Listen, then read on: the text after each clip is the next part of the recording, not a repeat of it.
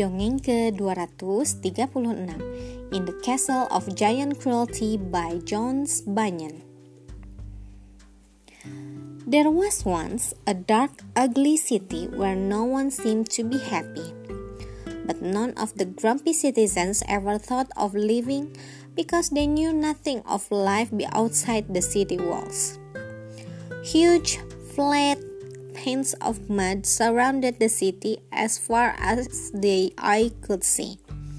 No one had ever braved the danger of trying to wade through them, so no one ever knew if there was anything beyond the swamps.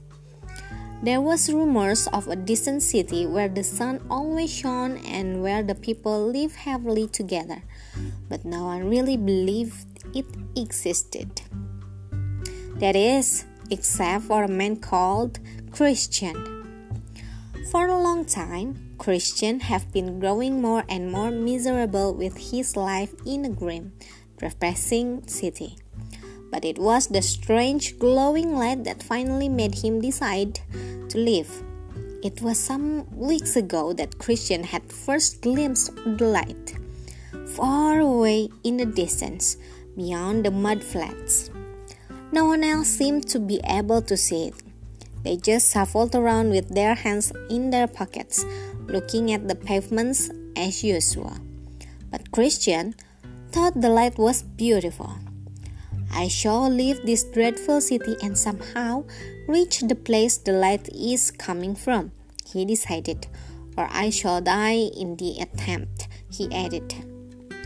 Christian didn't take anything with him.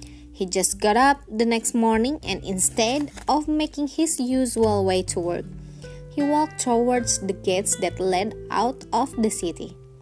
As people realized that Christian meant to leave town, they began to laugh and jeer at him. You must be mad, they mocked. You'll be floundering in that mud by nightfall and no one will come to rescue you. But Christian didn't listen to them. He just heaved open the rusty, creaky city gates and strode out into the swamps. As soon as Christian was outside the city, he felt as if he had left his cares and troubles behind him. Determinedly, he began walking towards the light in the distance. He walked and walked and walked until he had left the city so far behind that he couldn't see its dark, smoky outline anymore. He walked and walked until he dropped with thirst and hunger and exhaustion. Christian didn't have the strength to lift himself back up. He closed his eyes and everything went black. It was having a huge bucket of water slashed over his face that finally brought Christian back to his senses. He sat bolt upright, spluttering out the iciness that filled his nose and mouth. I am the giant cruelty, boomed the loudest voice that Christian had ever heard. He looked up and began to tremble. He was in a stone room the size of a cave, and standing over him was a man as tall as his house back in the city. The giant had bloodshot eyes and black teeth and long claws like nails.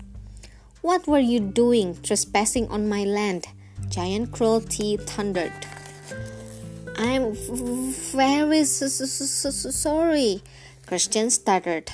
I didn't realize I was trespassing. That is a pitiful excuse, the giant bellowed.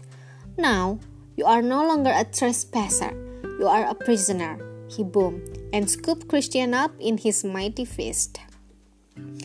Christian's heart thumped as he felt himself being carried down a long flight of steps. He shivered at the echoing of the giant's footsteps and at the damp chill in the air. He wrinkled his nose in disgust as a vile stench filled his nostrils. Suddenly, the giant's fist opened and Christian was thrown into the stone floor of a dungeon. A rat scampered up and squeaked in his face, and Christian sprang to his feet with shock. Have this bread and water, Giant Cruelty ordered, hurling a moldy loaf at Christian and slamming down a bucket of foul smelling water. You have to stay alive so I can come back tomorrow and watch you scream and cry and beg for mercy. Giant Cruelty chuckled. He slammed the door of the dungeon, locked it with a massive iron key, and stumped back up the stairs. Christian swallowed hard and turned away from the locked door. He wasn't the only prisoner after all. Six faces peered out from the shadows. How long have you been here? Christian gulped. So long that we haven't forgotten our own names. One man sighed.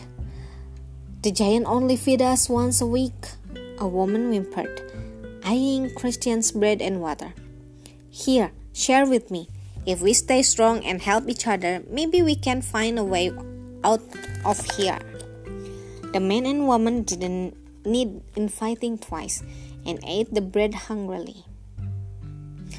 At that very moment, a spine tingling creak filled the air and the dungeon door swung wide open. To Christian's astonishment, a golden key had appeared in the lock. There were words down the shaft which read, the key of kindness. Christian grabbed it and urged, Come on, everybody! The key fit every locked door they came to, and the giant had disappeared. Christian and his new friend didn't stop running until they had left the castle far behind them. Christian smiled. Now he could see the faint outline of a golden city, and it was much closer than before. As he set off on his journey once more, he felt a new feeling. It was hope. Sekian, terima kasih telah mendengarkan. Selamat malam.